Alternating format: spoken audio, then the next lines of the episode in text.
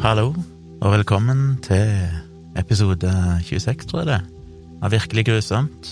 Jeg holder ikke tellinga, jeg, nå, merker jeg. Nei, et halvt år. Ja, det er ikke verst. Nei. Og uh, i dag så er det Tone som skal fortelle en historie. Hei, Tone. Ja, hei Gunnar. Uh, det stemmer. I dag er det jeg som har gjort uh, litt research på en historie. Fra virkeligheten. Grusom, håper. Ja Det er gøy at vi har fått litt eh, respons på Facebook-poster og Instagram-poster og sånn, der dere skriver deres egen grusomhetsrating. Det oppfordrer vi dere til å gjøre hvis dere ser vi poster nye episoder eller gamle episoder. Står fritt til å kommentere på gamle poster òg. Og det ligger ute både på min Instagram-konto, Civix, C-I-V-I-X, og Tone sin Instagram-konto, Tone Sabro, og på begge sin Twitter-konto, som har akkurat de samme navnene, og på Facebook-sida vår, som heter Virkelig grusomt. Bare søk opp eller gå inn på facebook.com slash virkelig grusomt, og følg Facebook-sida vår, så får dere med dere nye episoder. Og der kan dere altså kommentere og komme med tilbakemelding og si litt hvorfor dere syns en uh, historie fortjener en uh, tre eller sju eller ti på grusomhetsskalaen, hva som trekker opp, hva som trekker ned, hvordan dere føler rundt den episoden. Og det er det jo en del som har gjort, og det synes vi er veldig gøy. Høre hvordan folk tenker. Folk har forskjellige vurderinger. Ja, det er veldig, veldig kult. Og dere kan også sende noen tips som vanlig, og tilbakemeldinger, ris og ros og tilleggsopplysninger til virkeliggrusomt at gmail.com. Så leser vi gjennom det. Har du eh, funnet en historie der denne uka? Nei, det har jeg ikke. Uh, I dag uh, Jeg har ikke, jeg har ikke sjekka den akkurat, faktisk, nå i det siste. Um, for jeg hadde ganske klart for meg hvilken uh, historie jeg skulle fortelle om. Og det er um, en historie som jeg hørte for en god stund tilbake, og så hørte jeg også, Jeg er jo sånn podkastmenneske, jeg går og hører på podkaster hele tiden, alt mulig rart. Og så var denne eh, episoden her, eller denne hva skal jeg si, hendelsen, historien, den var nevnt i en, en podkast jeg hørte på. Og så kom jeg på den, og da ble jeg litt sånn åh, den! Den er jo litt spennende, den kan vi ta. Og så er det litt sånn eh, Den er ikke noe Jeg tenker at i dag blir det litt sånn uh, I dag blir det nok litt mer mystisk enn grusomt, kanskje. Men jeg tenker at det også er innafor. Ja. Um, og vi skal et godt stykke tilbake i tid. Skal jeg bare begynne? Kjør på. Jeg sitter her med kaffe Ja. og koser meg. Det er bra. 1935. Kansas City i Missouri. Der er det et gammelt hotell som het Hotel President, eller også kalt President Hotel, eh, som ble bygget ti år tidligere, altså som ble bygget i 1925. Det er et eh, høyt murbygg eh, på 15 etasjer. Litt sånn eh, borgaktig i utseendet, på en måte.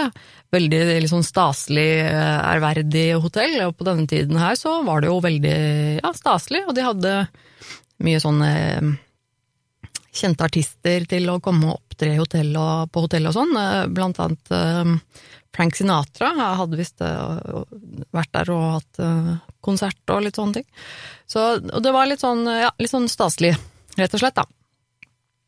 Og 2. januar 1935, litt før klokken 13.30, ankommer en gjest hotellet. Mannen, eh, som var pent kledd i en mørk frakk, sjekket inn under navnet Ro Roland T. Owen, og sa han hadde kommet rett fra LA, altså Los Angeles, da. Selv om mannen hadde booket rommet for flere dager, så hadde han ingen bagasje med seg. Og i tillegg eh, hadde han vært veldig kresen på hva slags rom han ville ha. Han skulle ha et rom som måtte være noen, eh, noen etasjer opp, og han ville ha et rom som det ikke var noe innsyn fra gatene. Det var veldig viktig for han. Eh, personalet på hotellet hadde jo selvfølgelig syntes at den fyren her kanskje var litt uh, merkelig, men han hadde fått, det var ikke noe problem, det her. Han hadde fått uh, tildelt rom 1046, som lå på baksiden av hotellet og kun med utsikt til en liten bakgård. Han ble vist uh, vei til rommet sitt av pikkoloen Randolph Propst. Og I heisen opp la Piccoloen merke til at denne Mr. Owen hadde et ganske stort arr over hans venstre øre. Eh, det så ut som et eh, brannsår eller noe lignende, som eh, gjorde at han da hadde en stor sånn flekk hvor det ikke vokste hår. Ganske sånn gjenkjennelig sånn type merke, da. Da de kom opp til rommet til Mr. Owen, så ba Mr. Owen Piccoloen om å vente. Mr. Owen gikk inn på badet og dro ut en tube tannkrem, en hårbørste og en kam fra frakkelommen sin, og la det på en liten hylle over vasken på badet og dette var alt han hadde med seg. Deretter sa han til Piccoloen at eh, nå skal jeg ut og være borte resten av ettermiddagen, eh, og så tok de da heisen ned igjen til første etasje sammen igjen. Mr. Owen tipset Piccoloen før han forlot hotellet. Klokken 07 om morgenen, to dager etter at Mr. Owen hadde sjekket inn på hotellet, fikk Propst beskjed om å ta en rask sjekk av hotellet hans, uh, av, rommet hans, da telefonen uh, på hotellrommet tilsynelatende var blitt tatt av røret og ikke lagt på igjen. Så uh, Piccoloen tok heisen opp til rommet og ble møtt av et ikke forstyrr-skilt på døra til rom 1046. Han banket på og hørte en utydelig stemme der innenfra som sa kom inn, men da han prøvde å åpne døra, så ville den ikke rikke seg, den var låst fra innsiden. Uh, unnskyld, sir, jeg tror døren er låst, sa Propst og hørte en stemme igjen fra innsiden som sa skru på lyset. Uh, han prøvde å, å, ta seg inn og banket på igjen flere ganger, men han fikk ikke noe respons. Ja, Piccoloen ga opp uh, og ropte til Mr. Owen gjennom døra at kunne du være så vennlig å bare legge på røret på telefonen, før han forlot rommet og tok heisen ned igjen. En time senere så la personalet merke til at det telefonrøret det var eh, fortsatt ikke lagt på plass på hotellrommet. Og denne gangen fikk pikkoloen Harold Pike beskjed om å gjøre et nytt forsøk på å sjekke rommet. Pike dro opp til rommet og fant igjen eh, døren låst, men denne gangen var den låst fra utsiden, som tilsa at Mr. Owen måtte ha forlatt rommet. Naturlig å tenke det, tenker jeg altså. Låst fra utsiden, ok, da må han jo ha låst seg ut. Eh, Pike banket på, men han fikk ikke noe svar. Så han brukte nøkkelen sin, han hadde en sånn master key, eh, brukte nøkkelen for å låse opp døren, og tok seg inn på rommet. Og Øyeblikkelig så merket han at rommet det var fylt av en veldig varm og tett luft, og gardinene var trukket for. Um, veldig sånn innestengt uh, stemning, rett og slett. Og det var ganske mørkt der inne, så Pike skvatt da han plutselig la merke til at det lå noen på senga. Han tok et skritt nærmere og prøvde seg på en forsiktig sir, eh, men trakk seg raskt tilbake da han så at eh, Mr. Owen lå naken, sovende på senga. Eh, Pike ble litt sånn forstyrra av det, og ble litt sånn ok, jeg må forte meg ut, så han så i, i hjørnet på, på, rommet at uh, telefonrøret hadde falt av og, og, lå på gulvet, så han gikk kjapt bort til telefonen, uh, la på røret og forlot rommet igjen og låste døra bak seg. Og så, to timer senere, så er telefonen igjen tatt av røret på rom 1046. Um, ehm, dette er merkelig, og nå er det Randolph Propst, altså han første pikkoloen, som eh, igjen er på vakt, og tar turen opp til 1046, altså rom 1046. Eh, etter å ikke ha fått noe svar når han banker på, så åpner han døra, eh, går inn og får sjokk når han ser en naken Mr. Owen på gulvet rett innenfor døra, sammenkrøket på knærne og albuene mens han holdt hodet i hendene. Props skrur på lyset og blir møtt av et forferdelig syn. Veggene, taket, badet, senga, alt var dekket av blod, også mannens hode. Propst blir jo selvfølgelig eh, veldig sjokkert, han løper og henter hjelp, eh, men da han kommer tilbake med hotellsjefen, så har Mr. Owen kollapset på innsiden, så kroppen hans blokkerer døra. Eh, de får ringt politi og ambulansepersonell, eller en lege, så vidt jeg skjønte, det var en lege som kom til stedet. Eh, De kommer raskt og, og får tatt seg inn på rommet. De får jo brøytet seg vei, holdt jeg på å si, inn og, og kommer seg inn der. Mr. Owen lever, og han, de oppdager at han, han puster eh, så vidt. Veldig raspende pust, der han ligger med ansiktet ned i gulvet i en pøl av blod. De ser også nå at Owen er bundet eh, med en ledning, som da er liksom bundet mellom, mellom ankler og, og armer og nakke. Så han er bundet stramt sammen, så derfor han har denne rare posituren. De skjærer løs uh, Owen og, og finner da ut at han har uh, flere stikksår i brystet. Um, så han ser ut som han er uh, altså knivstukket flere ganger. Um, et stikk som er også um, rett i nærheten av hjertet hans, som ser ut som kan ha punktert lungen hans. Han har eh, merker på halsen, både blåmerker og, og andre merker, som, eh, som tilsier at han er blitt forsøkt eh, kvalt. Han er blitt slått i hodet, um, og har fått et eh, brudd i kraniet på, på høyre side av hodet, så han har blitt slått veldig hardt. Uh, og bærer egentlig preg av å ha blitt torturert i flere timer. Um, så politiet eh, har altså da tatt seg inn og, ser dette her, og plutselig så, blir Owen eh, urolig, og han klarer å stavre seg på beina. Um, og han sjangler da inn på badet, eh, tett etterfulgt av da leger og politi, som prøver, og som blir litt sånn satt ut, og, og de bare Men hva er det som har skjedd? Hvem er det som har gjort dette? Ingen, svarer Owen da. Og de blir litt sånn «Øh, ok, det, øh, men hvordan har du skadet deg da? Og da kommer Owen med en slags forklaring om at de lurer på om han har gjort dette her med seg selv, og da sier han nei, han, øh, han har fått disse skadene og at han datt øh, mot badekaret, sier han. Um, og han får ikke sagt så mye mer, og han uh, faller om, blir bevisstløs. Um, de får fraktet ham til sjukehus i all hast, um, men etter kort tid så faller Mr. Owen i koma og våkner aldri igjen. Han døde da litt senere samme natt. Hotellrommet eh, til Mr. Owen var nærmest eh, strippet. Og I tillegg til at uh, håndklær og alle de vanlige tingene man får tildelt på et hotell var borte, altså sjampo og, og håndklær og sånne, alle disse småtingene man får på vanligvis på et hotell, de var borte. Men det var også uh, skoene hans og klærne hans.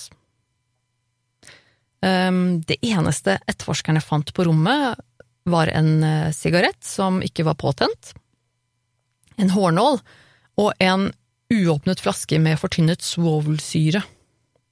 Eh, muligens til behandling av munnsår. Eh, de fant også to drikkeglass. Et av dem var ubrukt og sto på hylla over vasken, og det andre lå i vasken og manglet et så stort skår. Um, det var kun fire små fingeravtrykk som ble funnet, og det, det fant de på telefonstativet, og det viste seg da å, å tilhøre verken Mr. Owen eller noen av de hotellansatte, heller ikke noen av, av altså politi eller etterforskere på stedet, da. Um, og de antok at det muligens var etter en kvinne, for de var ganske små, visstnok, da, de finger, fingeravtrykkene her. Uh, politiet begynner selvfølgelig å gjøre å, å ettersøke, nei, etterforske dette her, og prøve å, å finne ut av hva som har skjedd, og hvem denne mannen har vært i kontakt med de siste dagene. Um, og dagen han Dagen uh, altså Mr. Owen hadde ankommet hotellet, så hadde jo uh, Mr. Owen gått ut igjen rett etter at han hadde sjekket inn. Og senere den ettermiddagen uh, skulle en Altså den samme dagen han kom, da, skulle en stuepike vaske rom 1046, og hadde da funnet Owen på rommet, fullt påkledd, sittende på senga med bare en liten lampe lysende og gardinene trukket for. Altså nesten i stummende mørke, men bare med en liten lampe da, ved senga. Mary, som hun stuepiken het, hun var først litt skeptisk til å vaske der, for han syntes jo det var litt sånn rart dette her med han sittende der på senga i mørket og sånn, og hun beskrev at han hadde en fysikk som en bokser eller en wrestler. Men, følte, men han hadde syntes det var, var ikke forstyrret av at hun var der, og hun følte seg eh, fort trygg på at det gikk eh, fint å, å vaske der. Um, hun hun eh, har fortalt at um, Skal vi se Ja. eh, hun, hun fikk inntrykk av at han, selv om han på en måte så litt sånn um, holdt jeg på å si skummel ut, da ikke skummel, men litt sånn kraftig eller et eller annet, så, så følte hun seg trygg på å vaske der, for hun, hun sa at hun fikk litt inntrykk av at han, eh, at han var veldig bekymret, eller at, han, at, hun hadde på en måte sett på han som et, eh, et lite skadet dyr som satt alene i mørket. Altså, det var litt sånn Mm. Um, og han så, han så bekymret ut, og det var noe de andre som hadde observert uh, Mr. Owen i oppholdet hans også hadde, hadde beskrevet, at han stadig virket liksom bekymret eller redd, og dette med at han da alltid hadde mørkt på rommet og, og sånne ting.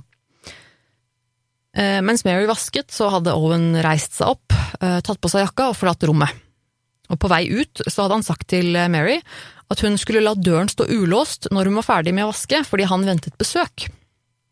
Um, og Mary vasket ferdig, eh, gjorde som hun var blitt fortalt, og, og da hun var ferdig så forlot hun rommet og lot døra stå ulåst. Og fire timer senere, mens Mary delte ut rene håndklær eh, til rommene, så var Mr. Owen tilbake på rom 1046. Eh, han lå på senga, og idet Mary la fra seg håndklærne, så hun en lapp på bordet hvor det sto Don, jeg er tilbake om 15 minutter, vent. Altså, da lå han på sengen, fullt påkledd, liksom, men bare lå helt stille.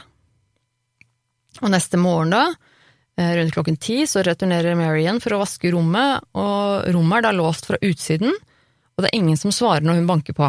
Så Mary antar jo da at rommet er tomt, eh, og hun går inn og blir da veldig overrasket når hun ser eh, Mr. Owen da igjen sittende i mørket. Og han gestikulerer bare at hun kan fortsette å vaske, fortsette videre med den vaskejobben sin, og telefonen ringer da plutselig mens hun er der. Eh, Mary hører en stemme i den andre enden, og så hører hun at Owen svarer Nei, Don, jeg vil ikke spise, jeg er ikke sulten, jeg spiste nettopp frokost.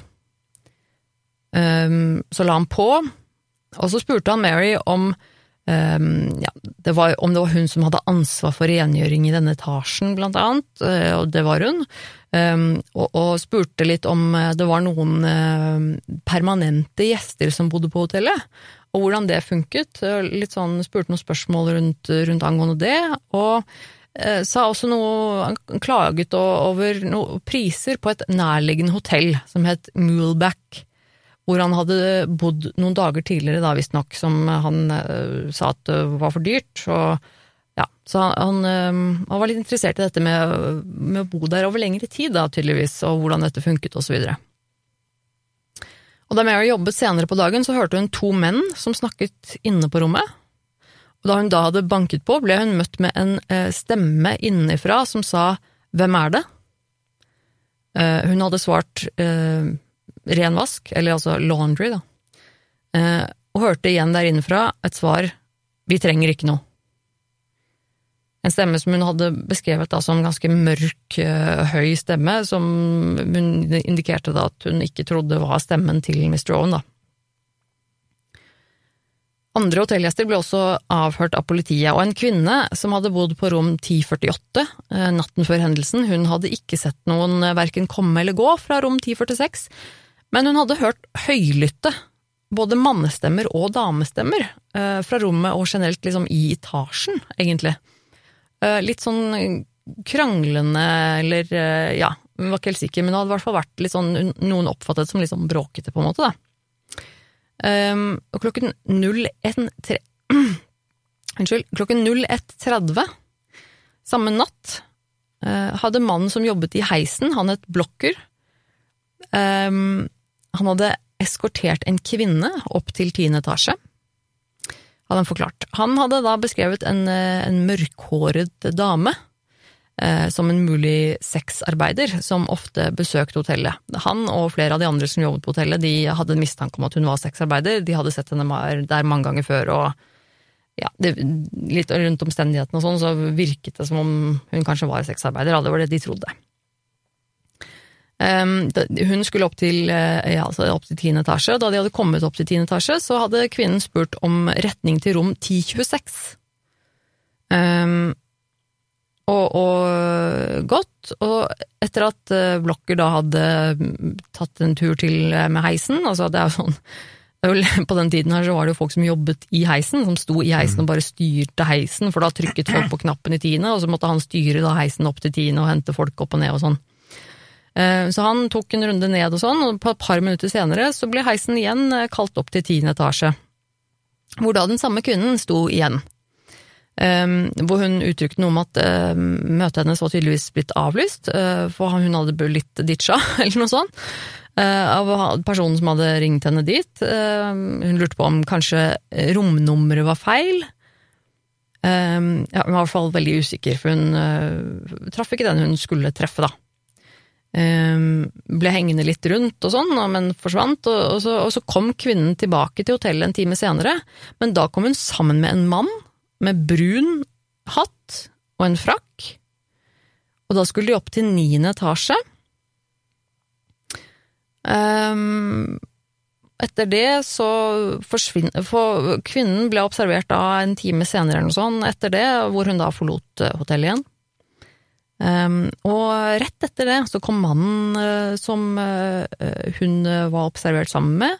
Han kom også ned og, og, sa noe til resepsjonisten om at han ikke fikk sove, og hadde lyst til å gå seg en tur. Politiet i Los Angeles de ringte etterforskerne etter å ha prøvd å finne ut hvor Mr. Owen bodde, for han oppga jo da når han sjekket inn at han var fra Los Angeles. Men de hadde ikke funnet noe. Det var ingen, ingen bosted hvor han uh, Owen bodde, og de konkluderte etter hvert med at Roland T. Owen ikke eksisterte. Det var uh, et alias han hadde brukt. Og um, i avisene etter hendelsen så kunne man lese at politiet søkte etter noen som kunne hjelpe dem med å identifisere mannen, for de visste jo fremdeles ikke hvem dette faktisk var. En mann eh, ved navn Robert Lane eh, meldte seg, og han sa at han kjente igjen mannen eh, fordi han hadde gitt eh, skyss til denne mannen dagen før eh, denne hendelsen, da. For Lane han, eh, han, forklarer at han først hadde sett denne mannen løpe nedover gaten, noen blokker unna hotellet. Um, han, hadde, han hadde blødd fra armen, um, og hadde iført, var iført en, en, en tynn sånn nattskjorte, eller en, en, sommerskjorte eller et eller annet, i hvert fall veldig tynn kledd, eh, fordi at dette var jo januar, og det var ganske kaldt. Så han hadde lagt merke til da, at han var tynnkledd tross eh, det kalde været. Så Lane hadde kjørt opp til mannen og spurt om han kunne hjelpe han med noe. Han virka veldig sånn eh, altså redd eller veldig opprørt, da. Um, og mannen hadde da spurt Lane om han kunne kjøre ham til nærmeste taxiholdeplass. Og da mannen da satt seg i baksetet på bilen, hadde Lane hørt ham mumle 'Jeg skal drepe den jævelen i morgen'. Jeg må le litt hvis du faktisk har planer om å drepe noen, så han sitter og mumler om det. det ja. Lane eh, satte han av på taxiholdeplass, og mannen forsvant i en taxi. Så ifølge Lane da, så er jo dette da Owen han har eh, sett. Han mente jo å kjenne igjen noen. Mm. Um, politiet mottok mange tips fra folk eh, som trodde de visste hvem mannen var, men ingen tips eh, viste seg å stemme. De fant heller ikke ut hvem denne Don var. Han hadde jo skrevet en lapp til denne personen mm. som het Don. Um, de visste heller ikke om uh, damen i heisen som ble observert sammen med denne mannen, om de hadde noe med saken å gjøre. Det var heller ikke klart. Var, de visste ikke, visste ikke, noe om det, og ble ikke noe klokere på det. Uh, de snakket også med den Moolback Hotel, som denne avdøde da påstod at han hadde bodd på tidligere. De ringte dit og, og sjekket, sjekket opp hva de visste, og da kom de fram til at jo da, denne mannen, han hadde bodd der og da hadde han identifisert seg som Eugene Case Scott, um, og hadde her også sagt at han nettopp hadde kommet fra LA. Men uh, også dette viste seg å være et alias. Eugene Case Scott var altså heller ikke hans ekte navn. Um, de fant ut at uh, mannen også hadde bodd på et tredje hotell, uh, St. Regis hotell i samme by, og denne gangen da hadde han sjekket inn som Duncan Ogletree. Og da hadde han også delt rom med en annen gjest, som het Donald Kelso. Og da Don. Ja, ikke sant? Don, kan dette være den samme Don? Men ingen ledetråder ledet noen vei, og saken ble etter hvert eh, henlagt, eller den ble kald, da. De kom ikke noe videre, det var ingen konkrete beviser som kunne knytte noen til noe. Så de kom eh, ikke så langt i saken. Men da denne ukjente mannen da skulle begraves, så ble eh, begravelsesbyrået kontaktet av en dame som sa hun ville betale for begravelsen, og kort tid senere ble en konvolutt med penger, merket begravelsen, da mottatt. Um, damen fortalte ikke hva hun het. Det samme ble også gjort med en bestilling på 13 roser til begravelsen. Uh, det ble levert et, uh, et kort hvor det bare sto 'Med evig kjærlighet, Louise'. Um, og da begravelsen fant sted, så var det ingen som møtte opp annet enn uh, etterforskere og politifolk, som uh, da kanskje hadde håpet at uh, denne Louise skulle dukke opp i begravelsen. Men det var ingen som kom. Ingen som dukket opp i begravelsen annet enn politiet selv.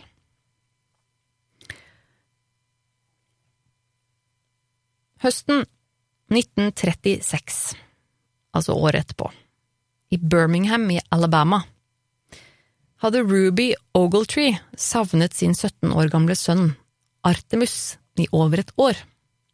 For i 1934 hadde Artemus bestemt seg for å reise rundt og se Amerika, og spesielt da til California, hadde han nevnt.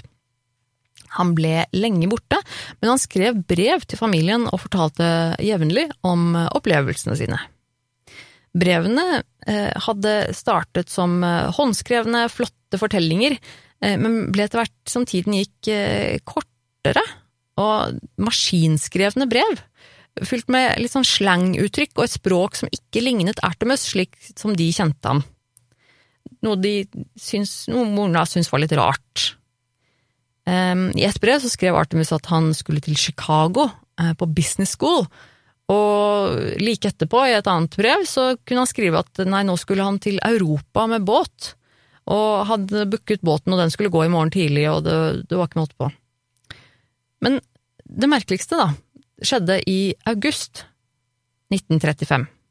Altså flere måneder eh, etter at denne mannen eh, dør på hotellrommet, for dette skjedde jo i januar. Mm.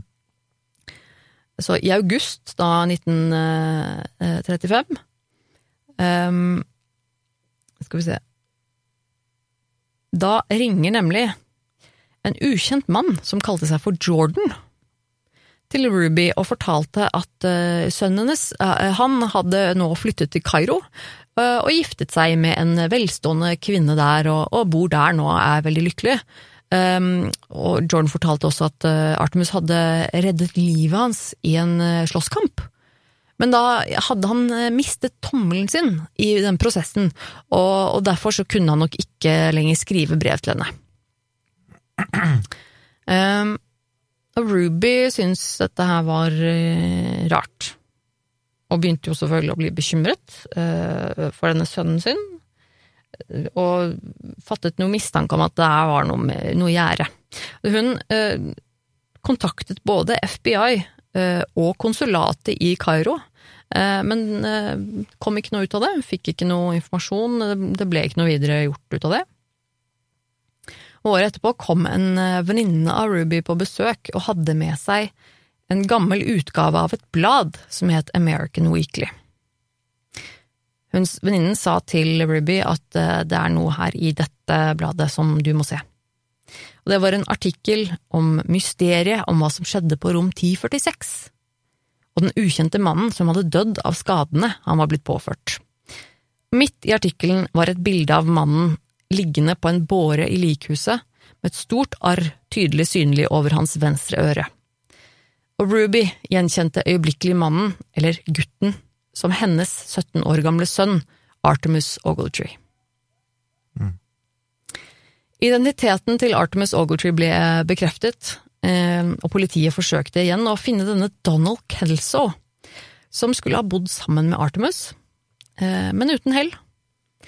I 1937 ble en mann som het eh, Joseph Ogden, eller Joseph Martin, litt usikker på hva som stemmer her, for det sto to forskjellige navn på stedet jeg leser, men enten Joseph Ogden eller Joseph Martin ble arrestert for å ha drept en romkamerat og hadde forsøkt å, å, å skippe liket hans på en båt eller noe sånt. Og han ble arrestert for det drapet, og under den etterforskningen der så fant de ut at denne Mr. Ogden, da, han hadde tidligere brukt blant annet aliaset Donald Kelso. Men de fikk ikke noe konkrete bevis sammenheng med dette i henhold til Ogletree-saken. Det var Hvorfor jeg er litt usikker på, det står liksom bare at de det ble ikke noe nærmere undersøkt, eller de fant ikke noe nærmere bevis på å kunne koble de sammen, de sakene. Og etter det her så er egentlig saken blitt eh, kald. Um, den eh, ble aldri oppklart, og det er jo i stor grad heller ikke hørt noe særlig mer om den saken, helt til det er rundt eh, i år 2003 eh, så ble biblioteket i Kansas eh, kontaktet av noen som undersøkte saken, for Vedkommende eh, som ringte, da, hadde ryddet etter en eldre avdød person, og funnet en boks med utklipte avisartikler om denne Rom 1046-saken. Det hadde også ligget noe i den boksen som hadde vært nevnt i flere av artiklene, men hva dette var, det ble aldri nevnt. Og hvem som det var som ringte inn, det vet vi heller ikke. Og det er egentlig alt vi vet om denne saken. Det er ingen som har blitt uh, tatt for uh, mordet på Artemis Ogletree. Han som ble drept, eh, mangla han en tommel, sa de om det noen gang, eller var det bare en fake historie? Nei, så vidt jeg vet, så gjorde han ikke det. Og det kan jo Det er jo sterke indisier på at det, det er Altså at det må ha vært morderen da, som, som ringte, eller som faket brevene eh, til moren til, eh, til Ja, han fortsatte jo å få brev, eller hun ja, fortsatte å få brev lenge. Hun fortsatte å få brev, og hun sa at disse brevene var veldig annerledes, og at det hørtes ikke ut som Artemis som hadde skrevet dem. Og at han også ringte, liksom sa det at uh, han er i Kairo og ditt og datt, og dette var jo lenge etter at han faktisk var død. Mm. Så det kan jo tyde på at det var morderen òg, men vi vet jo ikke hvem det var som ringte. Det var ikke mulig å, å liksom å spore de samtalene, og det var flere som var ringt fra telefonkiosk og sånn, visstnok. Det var liksom ikke De kom ikke noe vei med det. Um, og det er jo mange teorier sant, om hva som har skjedd her, og jo, de, fleste tenker vel kanskje at det er han, denne Don da, som har, som har drept Artemus. Um, at det var eh, en eller annen venn av han, eh, kanskje. Og så spekulerte de om, eh, om det var noe sånn organisert kriminalitet, at Don på en måte refererer til en eller annen mafiaboss, liksom, at han var involvert i et eller annet sånt noe, muligens. Um, kanskje at uh, denne mannen med hatten, som ble sett på hotellet sammen med denne andre kvinnen som muligens var sexarbeider, liksom, da, om de kan ha hatt noe med saken å gjøre, om det kanskje var han. Um, om disse var involvert, det er umulig å vite. Um, det er også en teori noen som tenker at, um, at uh, han slash de kanskje var homofile. Uh, at kanskje Artemis egentlig var homofil, og på den tiden der så var jo det ikke lov å være homofil.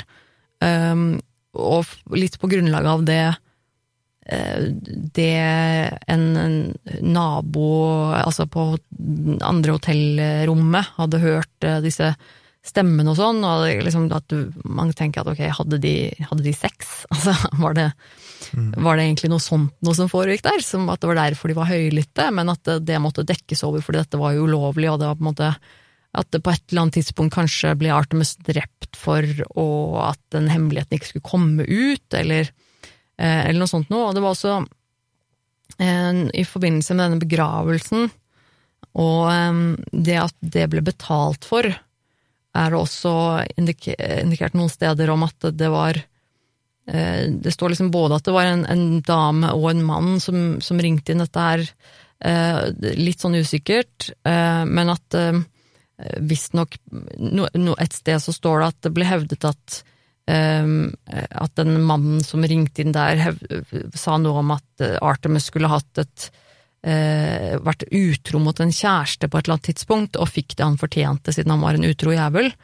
Um, men det er ikke noe man kan bevise på noen som helst måte. Um, så det er jo en teori, da, at han, ble, at han ble drept fordi han var utro mot kjæresten sin, uh, muligens.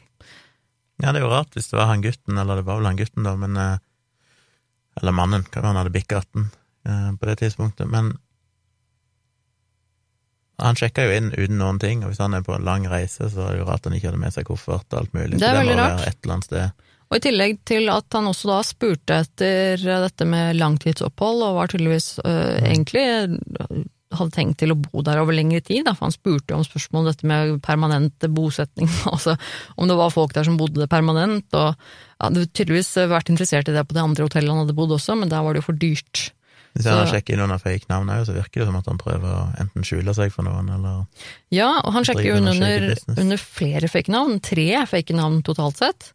Um, så det er jo helt tydelig at han, han vil jo ikke bli gjenkjent, han gjør jo noe som ikke vil at han skal kobles, kobles til hans navn.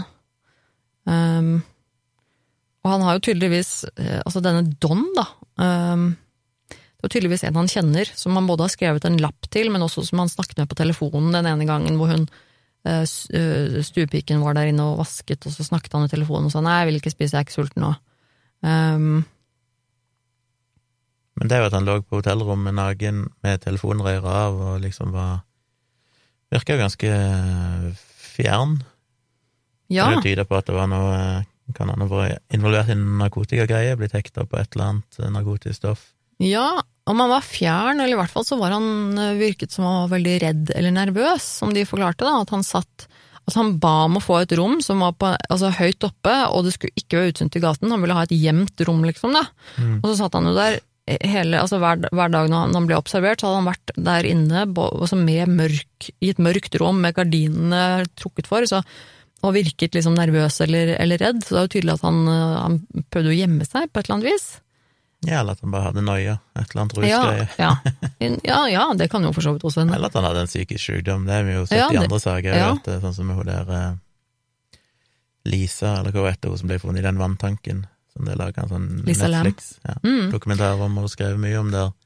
Det ble fremstilt som veldig mystisk, men den egentlige svaret er vel egentlig at hun sannsynligvis hadde noen psykotiske anfall, eller et eller annet sånt. Ja, og det kan selvfølgelig også hende, for det vet, det vet vi jo ikke noe om. Uh, men uh, det, er jo, det er jo merkelig. Og så, er er det jo, og, så, og så ble han jo drept, altså vi vet jo ikke hvem som drepte han. Uh, og, og, men jeg tenker jo at det må være denne Don-personen som har drept han. Jeg syns det virker på en måte ganske sannsynlig, da, ettersom at eh, det er tegn på at det er noen andre som har kommet og gått fra dette rommet, som også har låst døra fra utsiden med han inne på et eller annet tidspunkt. Det er sånn merkelige greier, det der med de der, det låste døra og sånn. Um, Men jeg vet at han ikke ville Han må jo tydeligvis vært redd, siden han ikke engang ville innrømme at han hadde blitt uh, ja.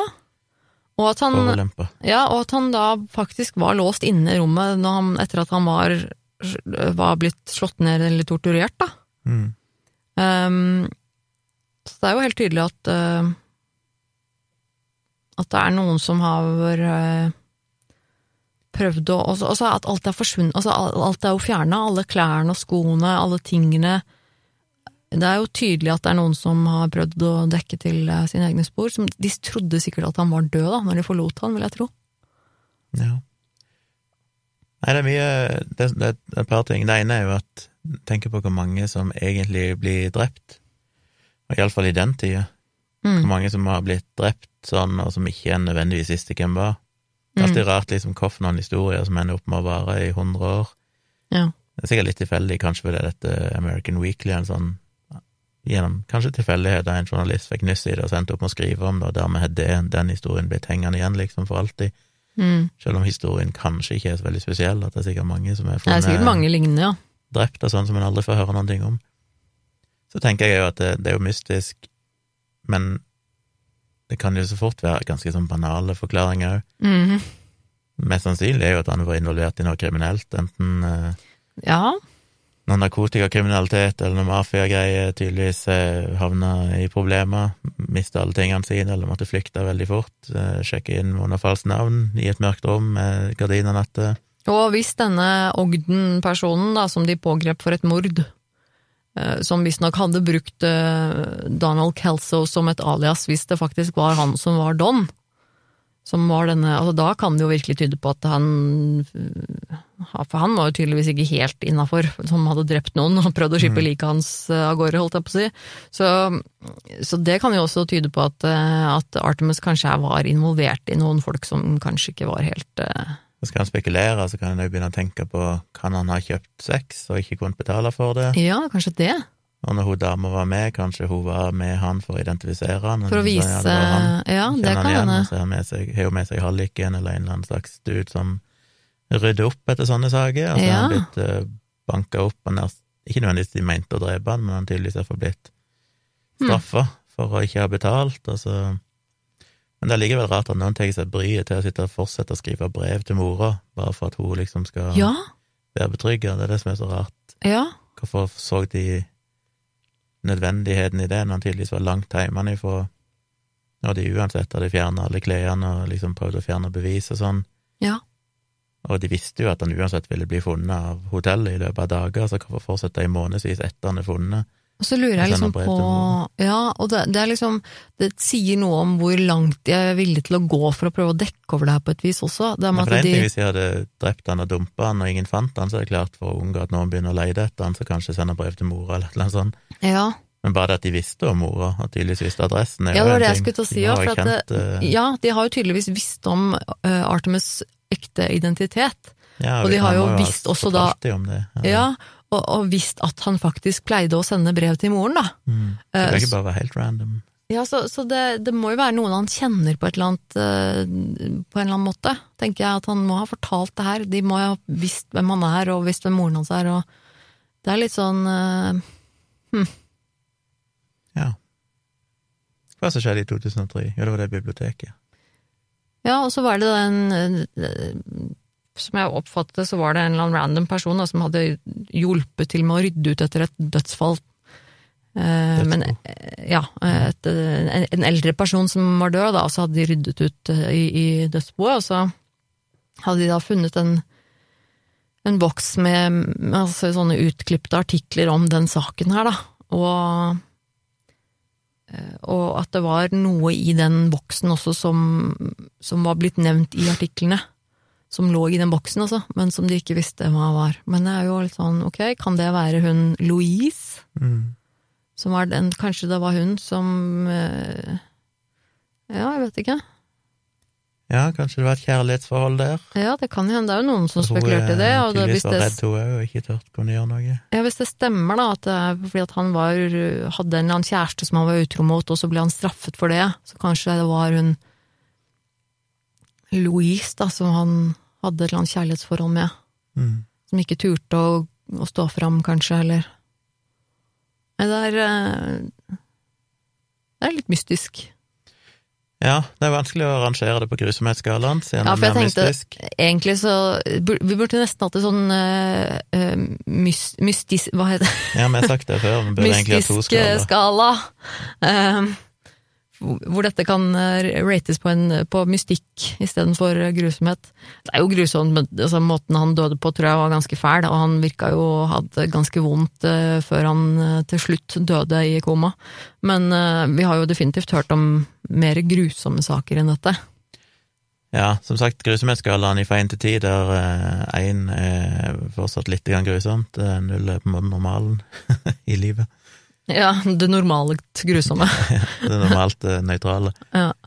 Så det er jo en ren positiv skala. Alt fra null oppover er jo eh, mer grusomt enn vanlig. Ja. Og da vil jeg jo si at eh, For meg, det er en person som har tydeligvis blitt eh, drept, og sikkert blitt drept voldelig, banka opp, eh, bundet fast, men vi vet jo lite om det, ikke så mye detaljer, så egentlig er det ikke noe mer enn en sånn, kanskje en, en tre eller noe sånt på grusomhetsskalaen. Ja. På mystikkskalaen, ja. hvis vi skal innføre den, som vi kanskje må, Kanskje vi må det. Burde egentlig hatt den på noen tidligere episoder òg. Ja. Da eh, blir mange skalaer etter hvert, føler jeg. Ja. en creepy skala. Ja. Nei, vi må ha en mystikkskala, for det, det kommer jo historier framover. Jeg har jo sagt det før, at jeg har jo historier som jeg vært litt usikker på om jeg skal ta, for det er ikke nødvendigvis så grusomme, Mm. men de er fortsatt eh, mystiske, og det er jo noe grusomt i de, men Ja, det er det. Og hvis du kan se på det her som en sånn, mer en sånn objektive øyne, holdt jeg på å si, så er det jo grusomt at et menneske Ja, ja. blir brutalt drept. det Og, jo skje noe grusomt og, det er en, ja, og det er en virkelig eh, historie, så da tenker jeg at da er det innafor. Eh, Men igjen, det er en person som forsvunnet, jeg tenker det ikke Det er en sånn historie som er selvfølgelig litt mystisk, men jeg tenker det er nok mange saker som er litt tilsvarende, og Det er trist at han bare var 17 år, da. ja Han var veldig ung, og, Si litt om den tida. Det er liksom bare å av Ja. gårde i den alderen. ja, og, og det var til og med nevnt at han skulle haike. Det var jo, at det var vanlig å gjøre da. Mm. Ja. At han faktisk haiket seg på, på denne turen, da. Um, Jeg vil kanskje gi det en eh, Også det at uh, moren eller slash familien også har gått og savnet han i så lang tid, og, og ikke visste hva som skjedde med sønnen, og fått sånne rare brev og telefon og sånn, det er også litt sånn Mm. det, det må være fryktelig ubehagelig, ass. Ja. Som, uh, som mor eller som pårørende, liksom. Det var nok litt andre tider, og jeg tipper i dag hadde det vært mye mer oppstyr. Hvis noen hadde hvis, når, I dag er du et barn når du er 17 år, i den tida så var du jo basically godt voksen. og mm, tror nok frykten i dag hadde vært mye mer. Hvis en 17-åring ikke lot høre fra seg, Ja. så hadde politistyrker og etterforskere blitt kalt inn i forholdet. Ja, det tror jeg nok, garantert. Verdensdeler for å undersøke. Men eh, nei, jeg vet ikke. En eh, tre-fire på mystikkskalaen òg, tenker jeg. Mm. Syns du det var spennende, da? Ja, det er jo spennende å høre om. Ja. Eh, Det var litt av Jeg ser jo bilder i hodet mitt. Jeg lurer på Ja. jeg er i forhold til dine, men Ja, det er alltid litt gøy. Nei, for, for jeg, jeg husker bare det at når jeg hørte den historien her første gangen, så syntes jeg også at den var veldig sånn spennende. og Litt sånn, Oi, nei, men i all verden, hva er dette for noe? Mystisk og litt sånn uh... Han hadde havnet høyere på mystisk-skalaen hadde det skjedd eh, de siste 20-30 årene. Bare fordi at jeg føler at det skal så mye mer til at du kunne slippe unna med noe sånt i dag. At da måtte det Ja, virkelig sånn, være mystisk. Ja, det er nok sant. vært litt mer sånn ja ja. Det, Ja, det er sant. Det er jo vanskeligere å slippe unna med mord nå enn det det var. ja, de kunne ikke ta noen DNA-prøver og ingenting, liksom. Mm. Og i dag hadde det vært mobilspor og telefoner og alt Mm. mulig rart som en kunne ha. Hvis det fortsatt hadde vært mystisk, så hadde det vært veldig mystisk, men i den tid så hadde du ikke så mye å gå etter. Så er det sånn, ok, en ukjent fyr ble drept, det kan ha vært ganske Kan ha vært mafia, hevn, utroskap Det er liksom mye relativt naturlig en kan tenke seg at det var. Ja. Syns nok det mest mystiske tingene er to ting. Det ene er jo at de fortsatte å skrive brev til mora, Ja. som jeg ikke helt skjønner rasjonalet for. Ja. Um, det andre er jo hun Louise da, som ringte når han skulle bli begravd. Liksom, hvem var det? ja. Men det trenger ikke være så mystisk. Det er det med brevene som er det mest mystiske. Jeg skjønner ikke helt poenget med det, men det er kanskje Ja, det er litt sånn, det er litt sånn rar ting å gjøre, syns jeg. Ja. Men ja, det var historien. Det var historien, gutt. Men gjerne høre hva dere syns. Dere kan rate den både på musikkskalaen og på grusomhetsskalaen i Ja. eh, kommentarfeltene rundt forbi. Ja, hvis dere går inn på facebook.com slash virkelig grusomt nå, så eh, ligger det Så skal vi legge ut en, en post der med litt uh, sånne, hva heter det? Det som er bilder. Eh, Ja, jeg tror Ja, jeg ikke Det har jeg ikke sjekka så godt ennå. Men jeg skal, jeg skal finne noen relevante bilder, og så, og et par linker der, i hvert fall. Det er lett, det er ikke så vanskelig å finne info om den saken her heller. Eh, hvis du googler eh, Artemus Ogletree, for eksempel, eh, så eh, finner man en del sånne, sånne Så det var laget en sånn eh, var laget noen sånne korte sånne YouTube-greier og sånn. Det er jo litt sånn Mm. Mye av de. mer eller mindre kjent eh, sånn mystery murder-sak, da. Men, eh, men eh, jeg håper dere som hørte på, syns dette her var litt spennende. Og så må dere gjerne da på Facebook eller lignende gi oss en tilbakemelding på en, en egen slags rangering på, mm. på denne saken her, hva dere tenker rundt det som, det som skjedde. Så da avslutter vi, og er tilbake igjen om ei uke med min historie. Kan enn det bli? Vet du nå hva du skal snakke om neste uke? Mm, nei, jeg har jo noen uh, ting notert, så jeg får se, husker ikke helt nå. Jeg gleder meg. Men uh, hva jeg skulle si? Jo, husk å dele Ja. episoden, tips andre om det. Det er gøy å se at det blir stadig flere lyttere, så Du skal abonnere på oss da i appen din, der hvor du Ja. hører oss på oss nå, podkasten, enten Spotify eller hva det er for noe. nå så- virker det jo som at vi er tilbake inn på Apple Podcast òg, så Ja, det vet at de endelig som- fiksa fikser den feilen. Så Ja. Det er bra. Så husk å abonnere på denne podkasten, og så tips noen som liker true crime eller sånne ting. Ja. Hvis ikke dere har hørt noe virkelig grusomt siden eh, Mark Dutraud-episoden 19. april, så er det altså en ny episode hver uke siden den gang òg. Så gå tilbake inn og sjekk ut det, i så fall. Eh, gå gjerne inn på Apple Podcast og gi dere fem stjerner hvis dere syns vi fortjener det. Og en hyggelig kommentar. Det hjelper jo. Ja, det er fint. Ja, det var vel alt. Ja, så takk for eh, at du Takk hørte på. så. Veldig hyggelig at folk eh, liker podkasten vår. Det setter vi stor pris på. Ja. Og så høres vi igjen om en eh, uke. Ja, ha det.